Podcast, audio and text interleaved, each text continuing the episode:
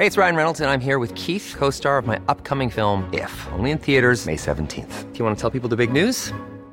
All right, I'll do it. Sign up now and you'll get unlimited for $15 a month in six months of Paramount Plus Essential Plan on us. Mintmobile.com slash switch.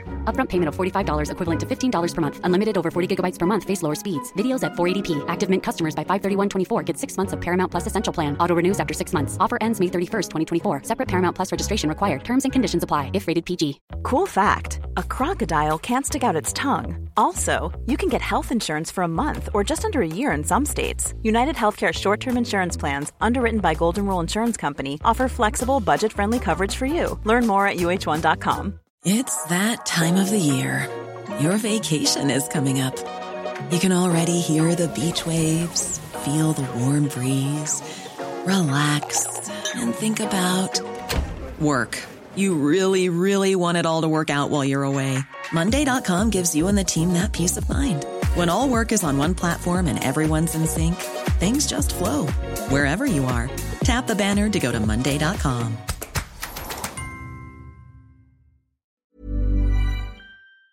Palmemordet Swedenborgskyrkan del 4 med Jonas Nyman. Sveriges statsminister Olof Palme är död. 90 000. Ja, det är mord på Sveavägen. Hörde de säger att det är Palme som är skjuten. Mordvapnet med säkerhet är en Smith Wesson, en revolver kaliber .357. Inte ett svar. Finns inte ett svar. För jag har inget. Och jag har inte varit Varför skulle jag Polisen söker en man i 35 till 40-årsåldern med mörkt hår och lång mörk rock. Välkomna till podden Palmemordet som idag görs av Jonas Nyman tillsammans med mig, Tobias Henriksson på PRS Media. Med er hjälp har vi kunnat hålla på den levande sedan 2016 och vi har fortfarande mängder med spår att rapportera om. Om du vill hjälpa till att stötta oss ekonomiskt Gå gärna in på patreon.com palmemordet och donera en summa som podden får per publicerat avsnitt. Det är alltså patreon.com palmemordet. Om du hellre vill swisha en slant hittar du numret i avsnittsbeskrivningen. Idag är Jonas Nyman tillbaka efter vår senaste utflykt till Leifs änka. I dagens avsnitt kommer vi att prata mer om de olika karaktärerna runt Swedenborgskyrkan och också så smått ta oss ned mot Sveavägen. Även nästa vecka kommer att bjuda på det här spåret.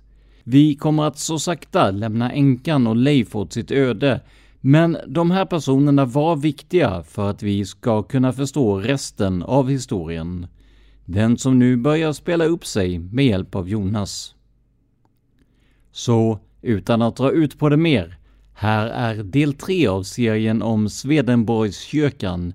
Ett spår som presenteras av Jonas Nyman.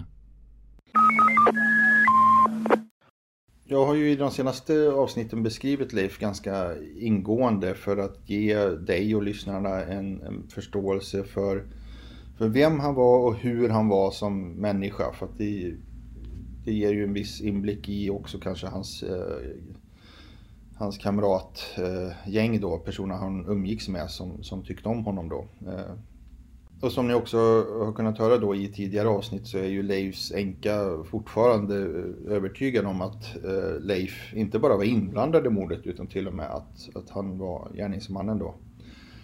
Och jag, jag säger inte, jag har aldrig sagt att hon har fel, men det finns ingen annan dokumentation eller annan bevisning som stödjer eh, det hon säger. Det, det är det jag säger. Va? Så att jag, jag, tror inte att Leif är gärningsmannen, det har jag aldrig trott.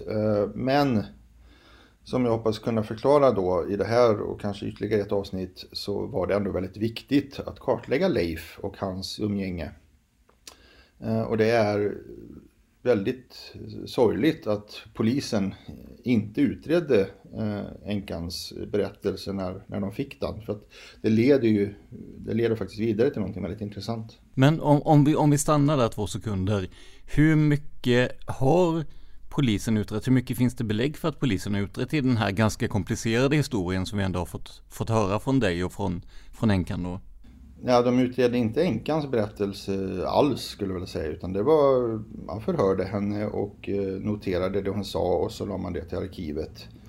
Eh, och sen återkom ju änkan i lite mejlväxling med Peter Stoide på polisen eh, under sommaren där 2020. Men man har inte utrett ordentligt vilka kopplingar Leif hade till andra personer. Och det, det är en stor miss därför att Leif hade koppling till personer som har varit välkända för Palmeutredningen och för privatspanarna under lång tid.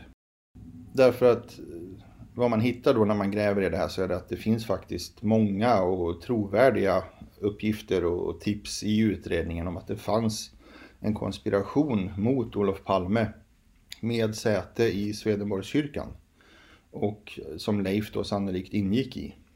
Det fanns en grupp eh, fanatiska högerextremister, eh, antisemiter och nazister som väldigt tydligt hatade Palme och som var helt övertygad om att Palme var en landsförrädare. Just det, han skulle sälja ut dem till Ryssland och liknande, eller sälja ut landet till Ryssland och så här. Är det, är det det spåret som, med tanke på deras politiska åsikt så borde ju det vara det spåret som är, ja, intressant här. Eh, precis, Enkan var ju inne på att det var då att eh, Olof Palme skulle på statsbesök till Moskva våren 86 och då sälja ut Sverige genom att skriva på något avtal om att Sverige skulle bli en kärnvapenfri zon.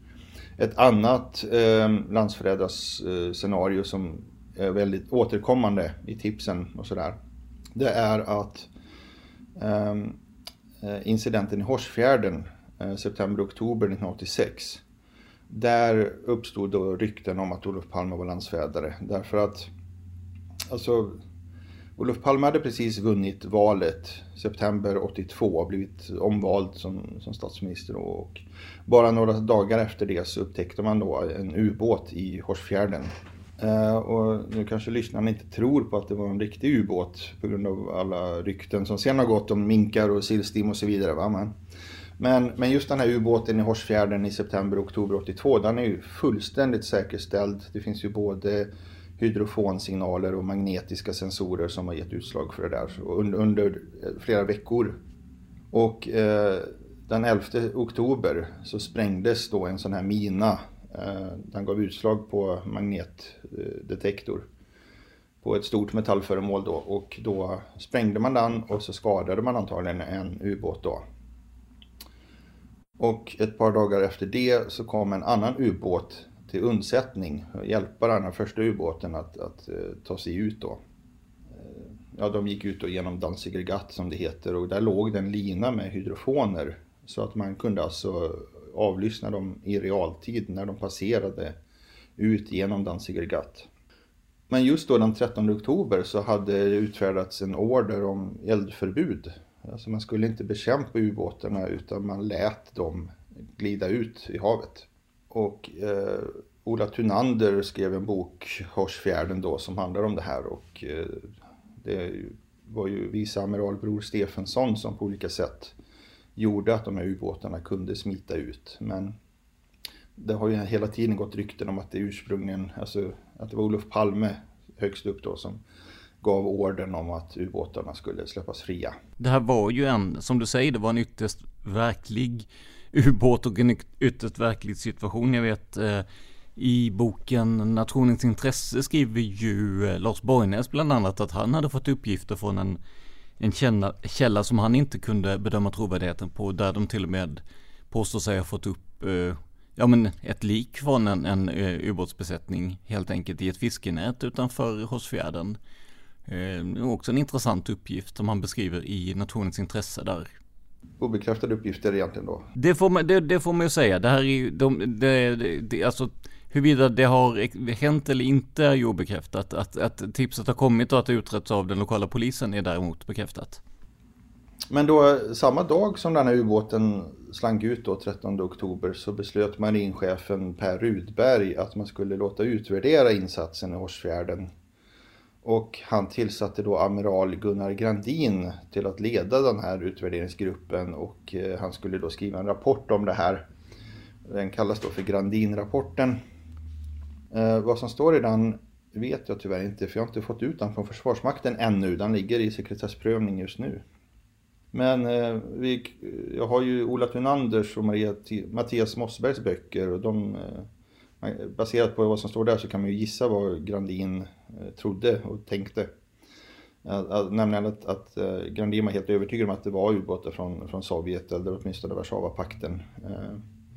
Och jag tror ju då att det står i Grandin-rapporten att det var Olof Palme som gav orden om, om eldförbud och alltså att Grandin la skulden på Palme för att en fientlig ubåt kunde smita.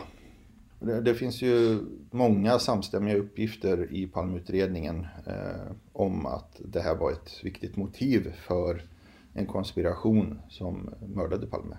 Och man kan ju undra då varför varför en ubåtsincident 1982 skulle ha så stor betydelse för någonting som hände fyra år senare.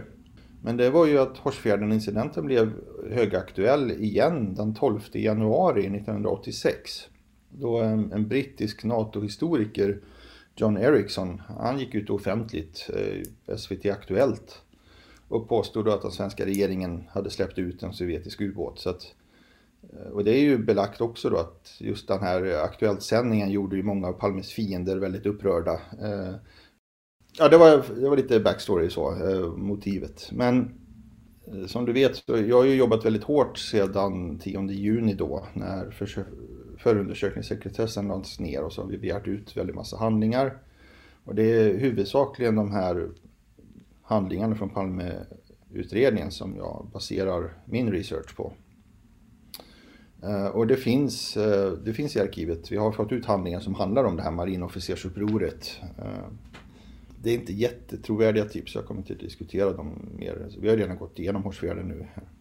Jag ska bara skjuta in en sak här nu, för nu eh, det var precis som, som jag sa, eh, jag, jag, fick tag på den här e-boken, jag visste jag hade den annanstans. Eh, eh, Lars Borgnäs kallar de här för Leffe och ehm, ja, han ger dem två fingerade namn, Leffe och eh, Benke eller vad det var för någonting.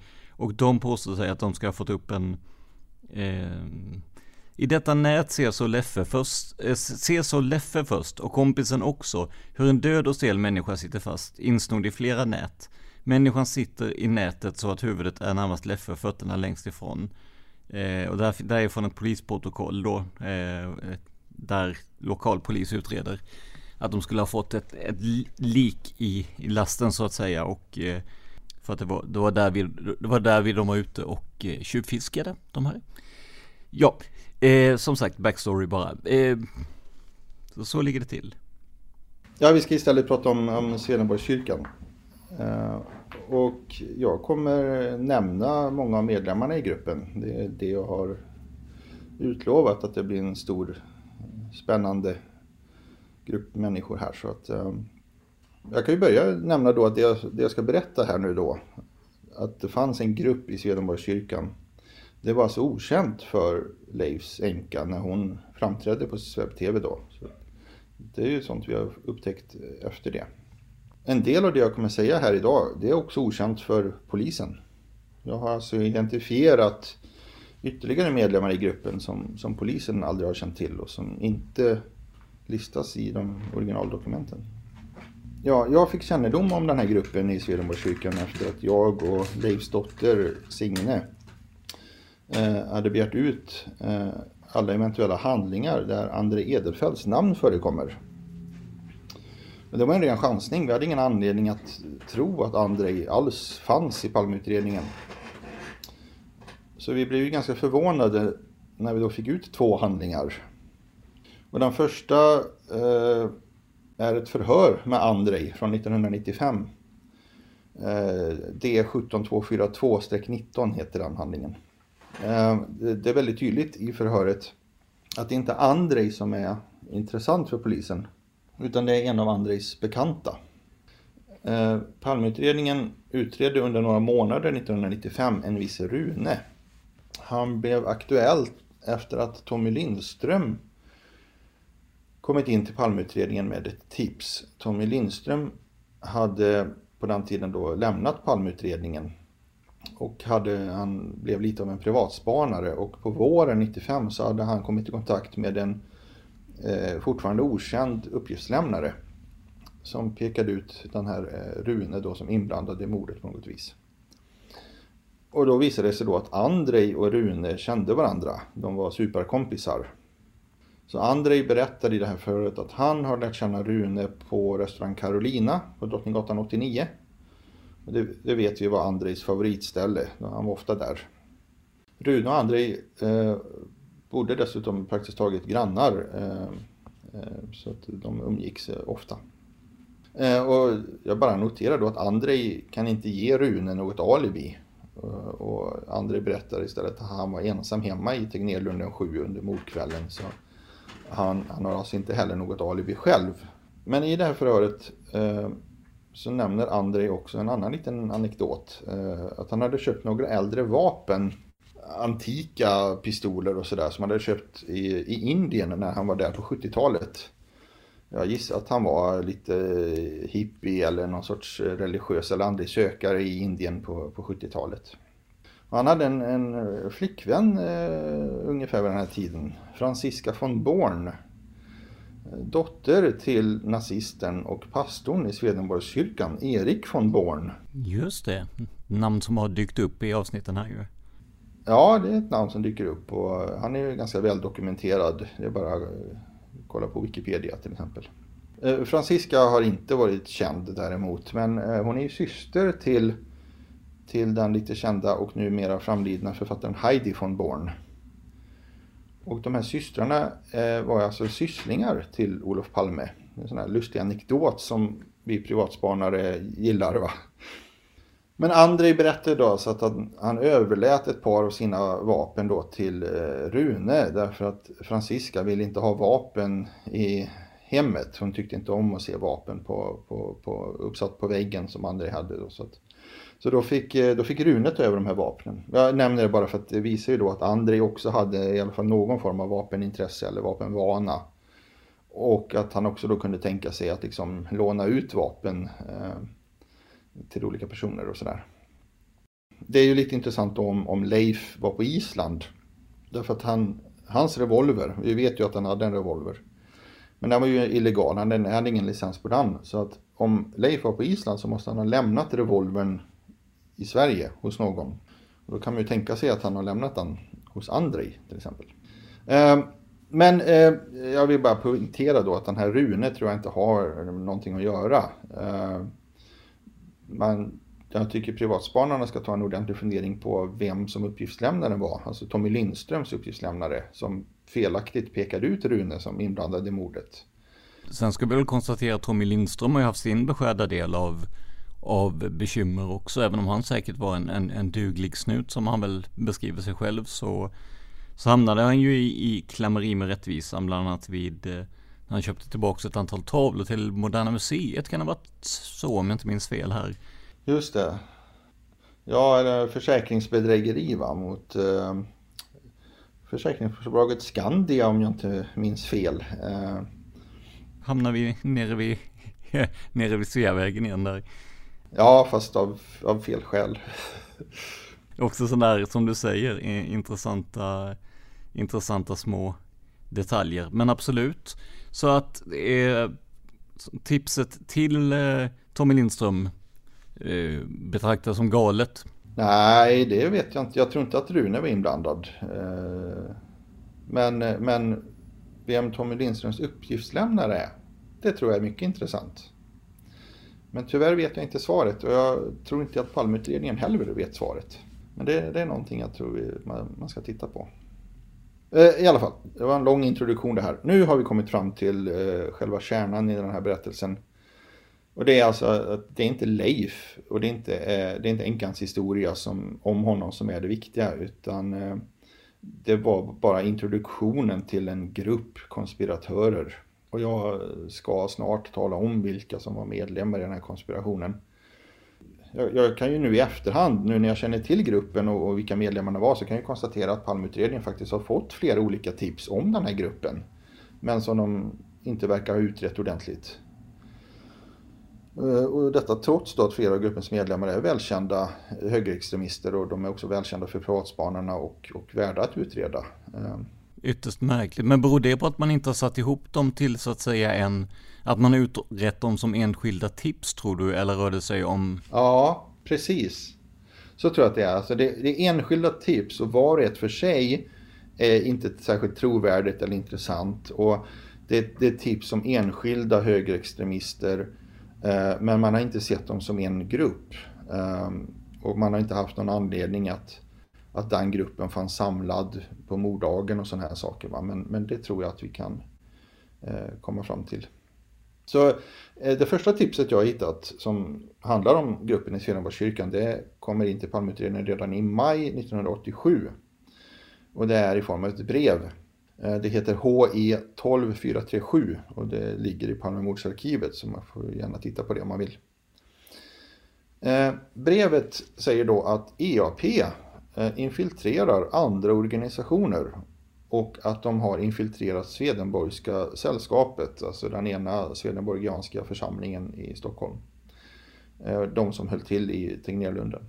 Och brevet beskriver då Swedenborgskyrkan som en samling kufiska religiösa sökare och mystiker. Men också då eh, högre statliga tjänstemän och nationalister. Och brevet antyder då att det pågår konstiga saker bakom kyrkans fasader och eh, noterar att kyrkans lokaler är ju en idealisk bas för operationer i centrala Stockholm. Och eh, brevskrivaren frågar retoriskt om det var i kyrkan som mordet på Olof Palme planerades. Och det är klart, om, om man bara har det brevet så är det ju inte ett särskilt trovärdigt tips. Men, eh, men det fanns faktiskt en grupp i kyrkan. Där. Jag vet inte vem som skrev det brevet, kan jag tillägga. Om det är någon som har en gissning så vill jag gärna höra det. Eh, brevskrivaren förresten, han beskriver också att i gruppen i kyrkan, den gruppen bestod av två generationer. Det fanns en grupp äldre gamla gubbar och en yngre skara, eh, varav några ska tillhöra Bevara Sverige svenskt. Och det är en, det är en väldigt träffande beskrivning och det visar att brevskrivaren faktiskt kände till medlemmarna i gruppen. Så han var initierad. Ja, precis. Och Bevara Sverige svenskt var ju en eh, en, vad ska vi säga, rasistisk sammanslutning under eh, ja, 80-90-talen. Kan det stämma? Ja. Ungefär eh, bedöms som rasistisk eller högerextrem. Och framförallt lite, lite, lite yngre medlemmar. Precis, det var ju en, en på något sätt en ny, en ny våg av den här främlingsfientligheten som, som kom in då. Jag tror att Dan har nämnt lite av det här i avsnitten om eh, kan det ha varit om antingen Alf E eller om svensk extremhöger tror jag i början av podden där. Men eh, ja, det, det är väl som jag förstår det är inga killar som eh, eh, det är ju ingen merit att de ingår i, en sån, i ett sånt här sällskap om man säger så. Varken för vår historia eller för, alltså rent rättsligt. De hade väl ögonen på sig misstänker jag. Ehm, ja, borde ha haft i alla fall. Ja, det här, det här brevtipset då, det har också en bilaga. Ehm, det är en artikel som verkar vara urklippt från EAPs medlemstidning. Det är då en, en, artikel som handlar om några av Olof Palmes släktingar, nämligen familjerna von Knerim och von Born. Ehm, och artikeln gör då en grej av att de här familjerna ska ha samarbetat med nazistregimen i Tyskland. Det är ju väl känt och egentligen inget uppseendeväckande i det. Men som vi redan har varit inne på så var ju nazisten Erik von Born verksam i Swedenborgskyrkan så det är väl den kopplingen som brevskrivaren försöker göra. Då lämnar vi det brevet och så går vi till det riktigt stora genombrottet i mina spaningar då som jag fick i juli förra året. Då vi väldigt överraskande fick ut handlingarna under uppslaget HE 15241. Och de handlingarna anser jag är de viktigaste och mest intressanta handlingarna som vi har fått ut sedan Palmeutredningen lades ner. Så vi ska ägna resten av den här timmen åt att gå igenom det tipset i, i detalj. Va? Tipset kommer in den 3 september 1993. Då ringer en kvinnlig journalist på Sveriges Televisions Aktuellt-redaktion till polisen i Stockholm. Och hon säger att hon har viktiga uppgifter att lämna som kan vara av betydelse i utredningen av mordet på Olof Palme. Journalisten berättar att hon har två källor som har lämnat samstämmiga uppgifter till henne så att hon bedömer alltså själv uppgifterna som trovärdiga. How would you like to look five years younger? In a clinical study, people that had volume added with Juvederm Voluma XC in the cheeks perceived themselves as looking five years younger at six months after treatment. Look younger, feel like you. Add volume for lift and contour in the cheeks with Juvederm Voluma XC. Reverse signs of aging by adding volume to smooth laugh lines with Juvederm Volure XC. For important safety information and to find a licensed specialist, visit juvederm.com. That's J U V E D E R M.com. Not for people with severe allergic reactions, allergies to lidocaine, or the proteins used in Juvederm. Common side effects include injection site redness, swelling, pain, tenderness, firmness, lumps, bumps, bruising, discoloration, or itching. There's a risk of unintentional injection into a blood vessel, which can cause vision abnormalities, blindness, stroke, temporary scabs, or scarring. Talk to a licensed specialist to find out if it's right for you. Quality sleep is essential. That's why the Sleep Number Smart Bed is designed for your ever evolving sleep needs. Need a bed that's firmer or softer on either side? Helps you sleep at a comfortable temperature? Sleep Number Smart Beds let you individualize your comfort so you sleep better together. JD Power ranks Sleep Number number 1 in customer satisfaction with mattresses purchased in-store. And now, save 50% on the Sleep Number limited edition Smart Bed for a limited time. For JD Power 2023 award information, visit jdpower.com/awards. Only at a Sleep Number store or sleepnumber.com. This is Paige, the co-host of Giggly Squad, and I want to tell you about a company that I've been loving, Olive and June. Olive and June gives you everything that you need for a salon quality manicure in one box. And if you break it down, it really comes out to $2 a manicure, which is absolutely insane. It's also so easy to get salon worthy nails at home with Olive and June. The difference between how your nails used to look when you did them yourself and now with the Manny system is a complete game changer. The best thing about Olive and June too is it's a quick dry. Dries in about one minute, lasts for five days, and full coverage in up to one to two coats. Visit oliveandjune.com slash perfectmani20 for 20% off your first system. That's oliveandjune.com slash perfectmani20 for 20% off your first system.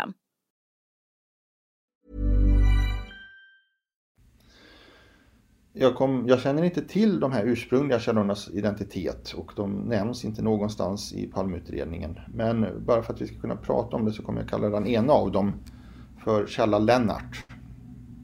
Och den här Lennart har då för SVTs journalist berättat följande. Att 1988 så besökte Lennart gruppen i Swedenborgskyrkan. Det var ett femtontal personer som närvarade vid de här mötena. Han var på två eller tre möten. Och Lennart blev ganska skrämd av den här gruppen. Ehm, och han beskriver dem som en väldigt obehaglig ehm, och som en högerextrem sammansvärjning av adelsmän. Ehm, en sorts, en sorts herrklubb eller frimurarloge i budgetklass står det faktiskt. Och den här gruppen ska då ha haft möten eh, varje lördag klockan tre uppe på loftet i Swedenborgskyrkans fastighet i Tegnérlunden. Alltså precis ovanför lägenheten där Leifs kompis André Edelfelt bodde. Och Kjella Lennart upplevde då att den här gruppen hyste ett mycket starkt hat mot samhället och mot Olof Palme i synnerhet. Va? Eh, bland annat så yttrade det sig som så att gruppens medlemmar brukade spotta på platsen där Olof Palme mördades. Eh, det är förresten en uppgift som förekommer om vissa individer i andra tips också, så det är en möjlig koppling mellan eh, personer och den här gruppen. Källa Lennart beskriver särskilt en individ som han uppfattade hade en central ställning i gruppen. Den här ledargestalten, om man får säga, kalla honom så, så han har varit helt okänd för privatspanarna ända fram tills nu. Eh, han har inte tidigare nämnts i Flashback-tråden eller på någon annan webbsida som handlar om Palmemordet. Eh, jag känner till namnet men här så kommer vi kalla honom för Rudolf bara. Eh, den här Rudolf, han uttryckte sig väldigt antisemitiskt och var aggressiv och hotfull mot, på mötena och mot Kjella Lennart. Va?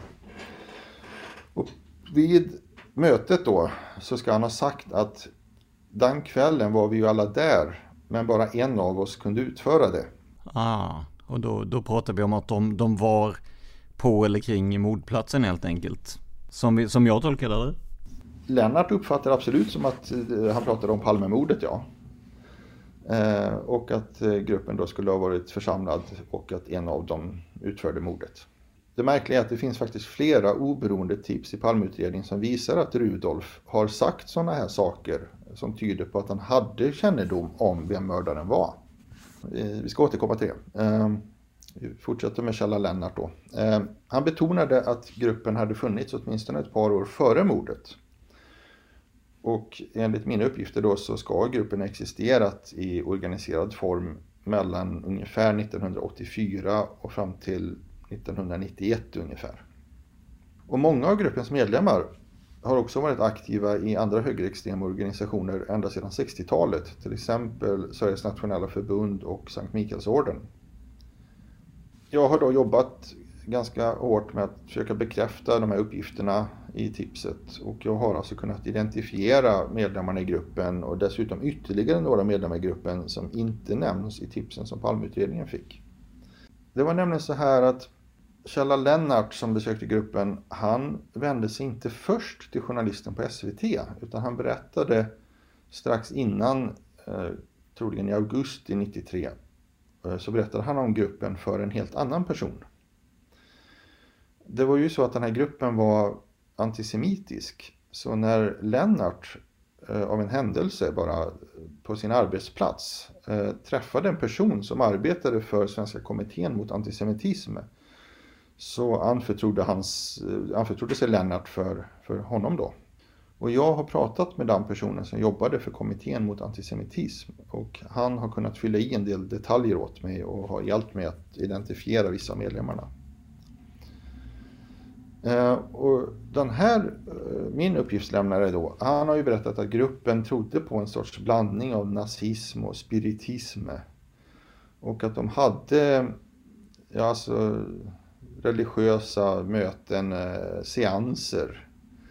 Och att vid något tillfälle så skulle de ha försökt åkalla Heinrich Himmlers ande genom någon sorts spiritistisk seans. Ah, eh, men alltså säg inte det här en del. Jag tänker, om, om det nu är så att den, den här gruppen har ett starkt hat mot Palme så kan man ju tänka att när personen i fråga är avliden så kanske man inte går och spottar på minnesplaketten eller vid graven som vi läste i Jan Stocklassas bok att någon hade gjort och så liknande. Eh, och likadant det här om, om man eh, så att säga om man lämnar den här eh, högerextrema nazistiska eh, rörelsen bakom sig så, så finns det heller ingen anledning att försöka framkalla den här Heinrich Himmlers ande. Alltså jag tänker att det, det säger ju ganska mycket om vad de var eh, kapabla till eller hur deras tankegångar gick i alla fall. Precis. Och alltså, inom nazismen så fanns det ju alltid en, en okult strömning. Alltså Thule Gesellschaft och eh, von Sebottendorf och de här. Eh, och Heinrich Himmler själv var ju också esoteriker. Så det har ju alltid funnits, men jag har aldrig känt till att det har funnits en sån grupp i Sverige. Nej, det har inte jag heller. Eh, så det är väldigt intressant. Och ja, det, det säger väldigt mycket om alltså vilken verklighetsuppfattning de hade, vilken världsbild de hade. Eh, och sådär. Nu tänkte jag nämna namn på medlemmarna. Så nu blir det spännande. Werner Örn var medlem i gruppen tillsammans med Mita Marinkovic. Och de är eh, kända för Palmeintresserade därför att de var också aktiva i Klara Lidingö frivilliga befälsutbildningsförbund tillsammans med Åke J. Ek. Werner Örn var också aktiv i Sveriges nationella förbund och Sankt Mikaelsorden. Han var en av de som försökte infiltrera eh, Kristdemokratiska partiet när de bildades på, på 60-talet. Och det finns ett stort överlapp mellan gruppen i Swedenborgskyrkan och den här katolska orden, Sankt Mikaelsorden, va? Som, som drevs av Ulf Hamacher. Mita Marinkovic är inte lika känd. Ehm, han var ursprungligen från Jugoslavien. Ehm, han var väl kroat och det finns rykten om att han skulle ha varit medlem i den kroatiska terroristorganisationen Ustasja. Eh, han var också medlem i Klara Lidingö frivilliga befälsutbildningsförbund och mycket tyder på att eh, just Klara Lidingö-grenen av FBU var en stay behind-grupp. Och förutom Åke J Ek så är Mita Marinkovic en viktig anledning till varför det är troligt att det faktiskt var så. Marinkovic utbildades nämligen vid 21st Special Air Service i England. Och det var alltså ett stay behind eller covert action flygvapenförband. Va? Eh, så det är inte så mycket mer känt om Marinkovic. Åke J Ek? Jo, Åke J Ek. Han var ledare för Klara Lidingö eh, tillsammans med Werner Örn. Och de var alltså gamla Finlandsfrivilliga. De hade åkt till Finland och eh, krigat på axelmakternas sida. Eh, tillsammans med många andra svenska nazister. Eh, och när kriget till slut var slut så bildade de då frontmannaföreningen Sveaborg. Och det blev ju den ena delen av Stay Behind i Sverige. Åke Ek eh, rekryterade också baltiska avhoppare eh, och många av dem nazister till svenska underrättelsetjänsten. Bara det förtjänar ju en helt egen statlig utredning. Eh, det är otroligt intressant. Eh, den, den, som är intresserad av Åke och hans intressen de kan ju läsa då eh, Carl N. Alvar Nilssons bok. Och också Tobias Hübinette har ju skrivit om Åke Ek på sin hemsida. Det finns ytterligare en medlem som var medlem både i Swedenborgsgruppen och i Klara Lidingö. Eh, och det är en person som i tipset i Palmeutredningen HE 15241 benämns som filmregissör. Jag nämner inte namnet men eh, han är framförallt känd för en grym svensk actionfilm från 1973 med en del märkliga osmakliga pornografiska inslag. Eh, Okej. Okay. Du, du är medveten om att, att våra lyssnare nu sitter och googlar här framför, framför poddlyssnandet för att få reda på det? Ja. Kan jag inte ta något ansvar för? Nej, precis. Eh, det, det, är helt riktigt. Nej, jag tycker vi, vi lämnar det där. Det låter som en, en intressant person. Ja, filmen är sevärd. Filmen är sevärd, ja men det är bra. och då vet ni det, vi har inte nämnt varken namn eller annat utan ni får googla själva ni som, som, eh, som lyssnar. Vi vill inte få er depraverade av action och pornografi här. Nej, Så Nej, är det. vi sysslar bara med högkultur här. Ja, jo. Men det, det är ju intressant att minst tre av Swedenborgsgruppens medlemmar var också samtidigt medlemmar i Klara Lidingö. Eh, och det finns alltså en helt uppenbar koppling till Åke J. Ek och Stay Behind och, och World Anti-Communist League. Eh, och han var ju också psykologilärare på Polishögskolan och kände ju polisman A och B och, och sådär. Va? Så att, eh, det är intressant att vi har alltså gått nu från en eh, kufisk religionshistoriker, eh, Leif, och hamnat eh, tillbaka i polisspåret och sådär va? Ja men verkligen, verkligen. Och i, som vi sa där med svensk extremhöger, som vi var inne på i början av podden, när vi inte hade så mycket uppgifter som hade kommit fram som vi har nu givetvis. Så att det här är ju ytterst intressant. Eh, det tar en intressant vändning måste jag säga. Precis. Eh, det fanns också en helt annan typ av medlemmar i gruppen i kyrkan som inte var militärer men som var mycket frispråkiga antisemiter och förintelseförnekare. Och det är då Ahmed Rami som drev Radio Islam och några av hans närmaste. Um, um, Radio Islam finns fortfarande kvar i form av en hemsida. Um, med, med antisemitiskt budskap då. Så eh, Ahmed Rami och hans eh, två, två kompisar till honom var också medlemmar i Swedenborgskyrkan. De, de här personerna blev uppmärksammade tidigt 90-tal när de bjöd in en fransk historierevisionist och förintelseförnekare, Robert Faurisson. Eh, och eh, det nämns eh, explicit i Palmeutredningens handlingar att, att den här Faurisson hade inflytande över, eh, över gruppen. Vi kan bara nämna det också att när vi pratar om Radio Islam där så mm, en rapport från 2003 som gjordes av Europeiskt centrum för övervakning av rasism och främlingsfientlighet beskriver ju dem då som eh, citat en av de mest extrema antisemitiska hemsidorna på nätet med nära koppling till extrema eh, islamistgrupper då eh, och att den tillhör en av citat Eh, en av ett antal citat rasistiska och främlingsfientliga sajter. Så att vi är ju inne på, ja men precis, vi är ju inne på det där eh, väldigt högerextrema spåret även där så att säga. Och det, det framkommer ju också när vi pratar om det här som du säger med förintelseförnekare och liknande ju. Så att, eh, mm. Då har vi en liten bakgrund till dem också. Jag vill av olika anledningar inte nämna namnet men Ahmed Rami har en kompis som också har en hemsida som nästan är mer läsvärd än Radio Islam. Sen har vi några gamla bekanta. Eh, antikvariehandlaren Bo Ragnar Ståhl och Anders Larsson. De var alltså medlemmar i gruppen i Swedenborgskyrkan. Det har aldrig tidigare varit känt. Och Larsson är ju känd för de flesta därför att han lämnade in ett varningsbrev till Olof Palme eh, åtta dagar innan mordet. Och här får vi då alltså för första gången en konkret och trovärdig förklaring till hur Ståhl och Larsson kan ha haft den här förhandsinformationen om en konspiration som planerade att mörda Palme. Därför att de kände till gruppen och enligt tipset då så var de båda medlemmar. Ehm, vi har också fått ut en hel del av Anders Larssons eh, skrivelser till Palmeutredningen. De är ofta mycket förvirrade och svåra att läsa. Ehm, men det står ju på något ställe då att eh, Bo Ragnar Ståhl värvade Anders Larsson som medlem i Swedenborgskyrkan under hösten 85. På vilka sätt är de förvirrade de här breven? Rör det sig om, om att, att det är skrivna på ett konstigt sätt eller ändrar han sina uppgifter eller vad är det som gör dem förvirrade? Du har ändå kikat en del på dem förstår jag. Anders Larsson var en, en uh, rationell person som kunde skriva uh, välformulerade brev på skrivmaskin och sådär. Men uh, han pekades ut i Thomas Kangers bok eh, som högerextremist, eh, 47-åringen som han kallas där.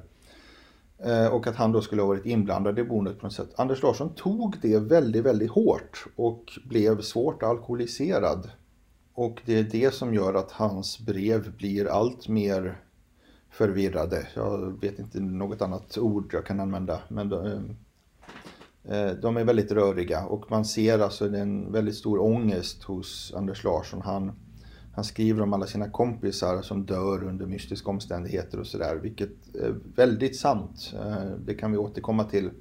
Jag har eh, fem eller sex namn på Anders Larssons kompisar som dog och ett par av de namnen har inte varit kända sedan tidigare. Ja, Bo Ragnar Ståhl, han var ju god vän med Leif och det var ju också André Edelfelt. De, de umgicks ju tillsammans. Och Andrei, men inte Leif, omnämns då i det här SVT-journalistens tips eh, till Palmeutredningen 93. Och det står då i tipset att det är Eh, eventuellt så att det är Andrei som har ordnat lokalen i Swedenborgskyrkan till gruppen eftersom han bodde i huset. Jag vet inte om jag riktigt tror på det därför att jag tror att den här gruppen kan ha haft tillgång till lokaler även utan Andrei. Och jag, jag tycker Andrei passar inte riktigt in i gruppen. Han, det finns inte belagt att han hade högerextrema åsikter riktigt eh, på samma sätt som med de andra. Kan man tänka sig snarare då en, en, en vilsen själ som söker ett sammanhang eller? Absolut han var ju religiös och eh, mycket intresserad av esoterika och sådär. Va? Så att, eh, mer, mer, han passade in bättre på det sättet. Då.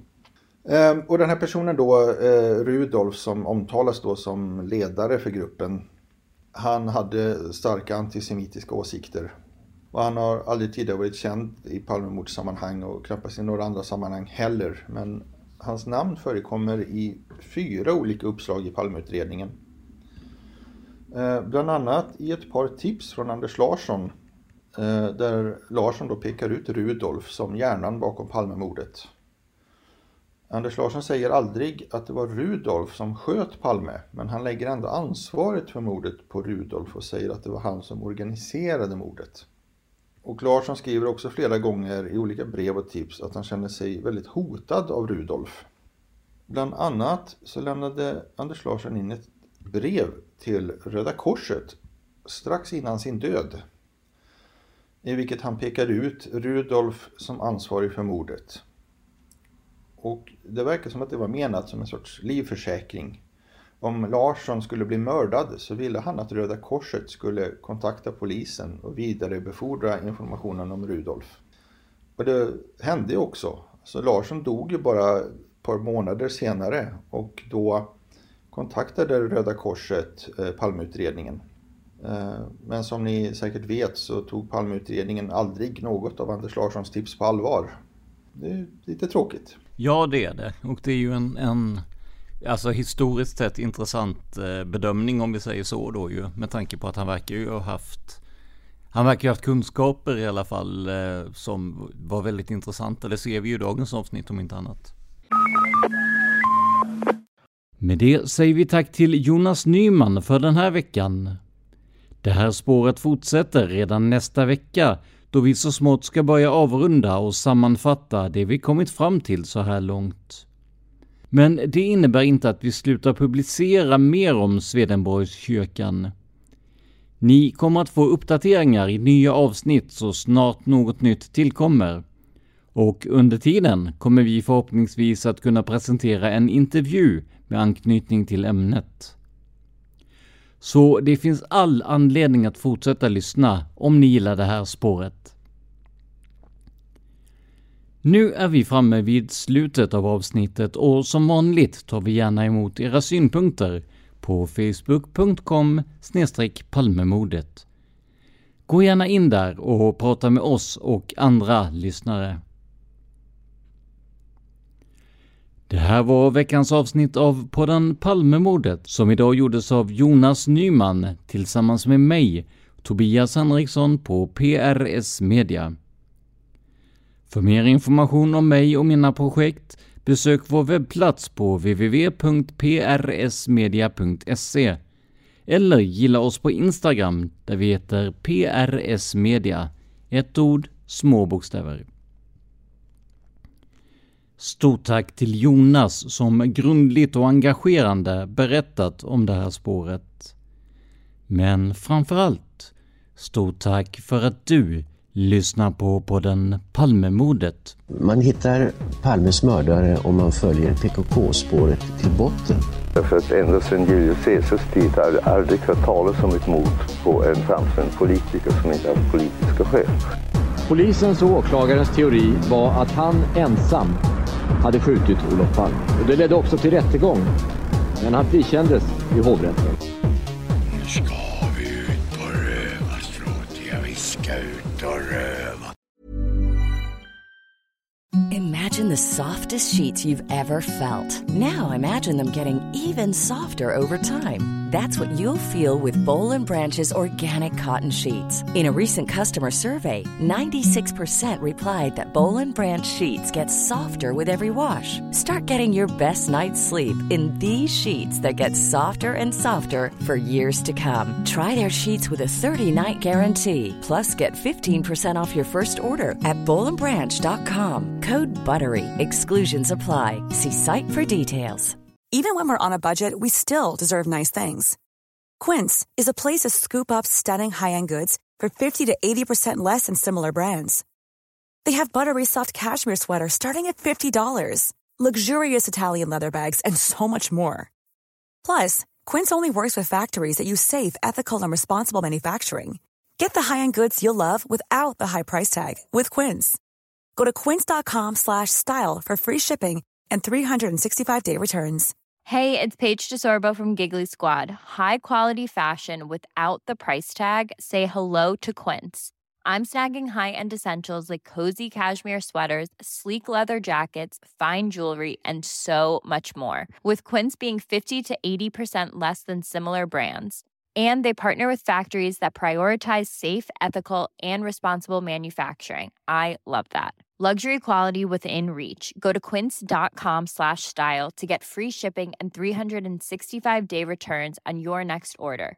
Quince.com slash style.